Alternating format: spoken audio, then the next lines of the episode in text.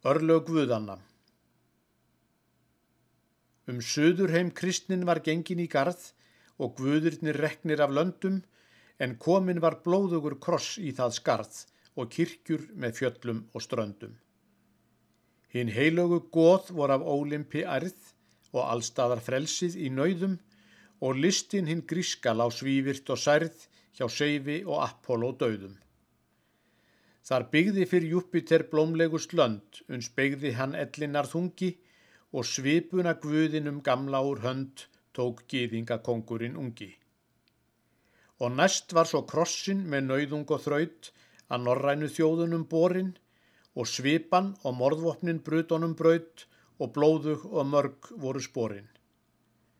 Og ásum í hlýðskjálfi olgaði blóð þá austræna skrýmsli þeir sáu er sunnanum valin það svamlandi óð þar saksnesku hetjurnar lágu. Og ekki við hafið svo óvættur beigð en olmleg og þrútin í bragði að eigunum grænu hún óðfluga skreið og yfir þær hrammana lagði.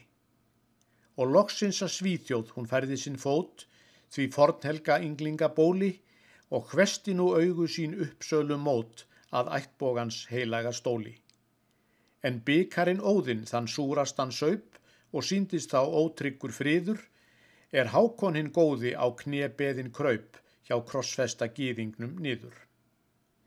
Og óhrenkast tók nú hið ásrunna blóð í ynglinga goðbornu niðjum, er Ólafur Tryggvason öndverðu stóð í andskota flokkinum miðjum. Hann lamdi og kúaði sveit eftir sveit, unn sigur var alföður þróttinn, og eldgömlu salina auða hann leitt og öldurinn sörguð og brotin. Og nú sem í dróma lá Noregur þar og nýðingi gengin til handa, en úti var konglausa eigin í mar, þar átti nú hríðin að standa. En þar byggðu drengir þó þjóðværi smá og þeim gat hann örugur trúað, því eiguna þeirra í æginum blá gat engin í heiminum kúað og þeim gati Ólafur brugga sitt böl með báli og hvers konar pínum og láti þá æpa og engjast af kvöl til ununar guðunum sínum. Þeir mundu að feðurnir letu þau lönd er líðfrægu hetjurnar ólu og undu þá seglin við ættjarðarströnd og eilifu guðunum fólu. Og þeir letu drekana heila um haf með hersanna göfuga líði og ódulinn fögru þeim alfaðir gaf og eiguna hvítu í víði. Í áselgum ljóma nú Ísland þar stóð og ómað af gíunar hreimi og fármundi ræna þá frjálsustu þjóð og fegursta víið í heimi. Og síst myndi hjörtunum hvika við það sem herliða múrunum færi þó Kristur hinn austræni kæmi þar að og kongstrælar með honum væri. En þrælunum hafði þar lokist upp leið og líðnum þó töfðingin fagur og annar hvort guðana útlegðar beigð og upp var nú runnin sá dagur. Um guðina nýju vart geysileg þraung þeir gengu að dóminum prúða með reykjelsis ilmi og rómverskum söng í rósfögrum hátegnar skrúða.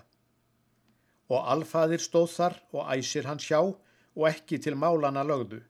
Þeir liti yfir völlin hjá lindunum blá og lögbergið helga og þögðu. En hér var um guði sem hæglegast breytt. Þeir hjuggu þar eldgamla bandið og alföður þótti þeim ganga það greitt að gjalda sér frelsið og landið.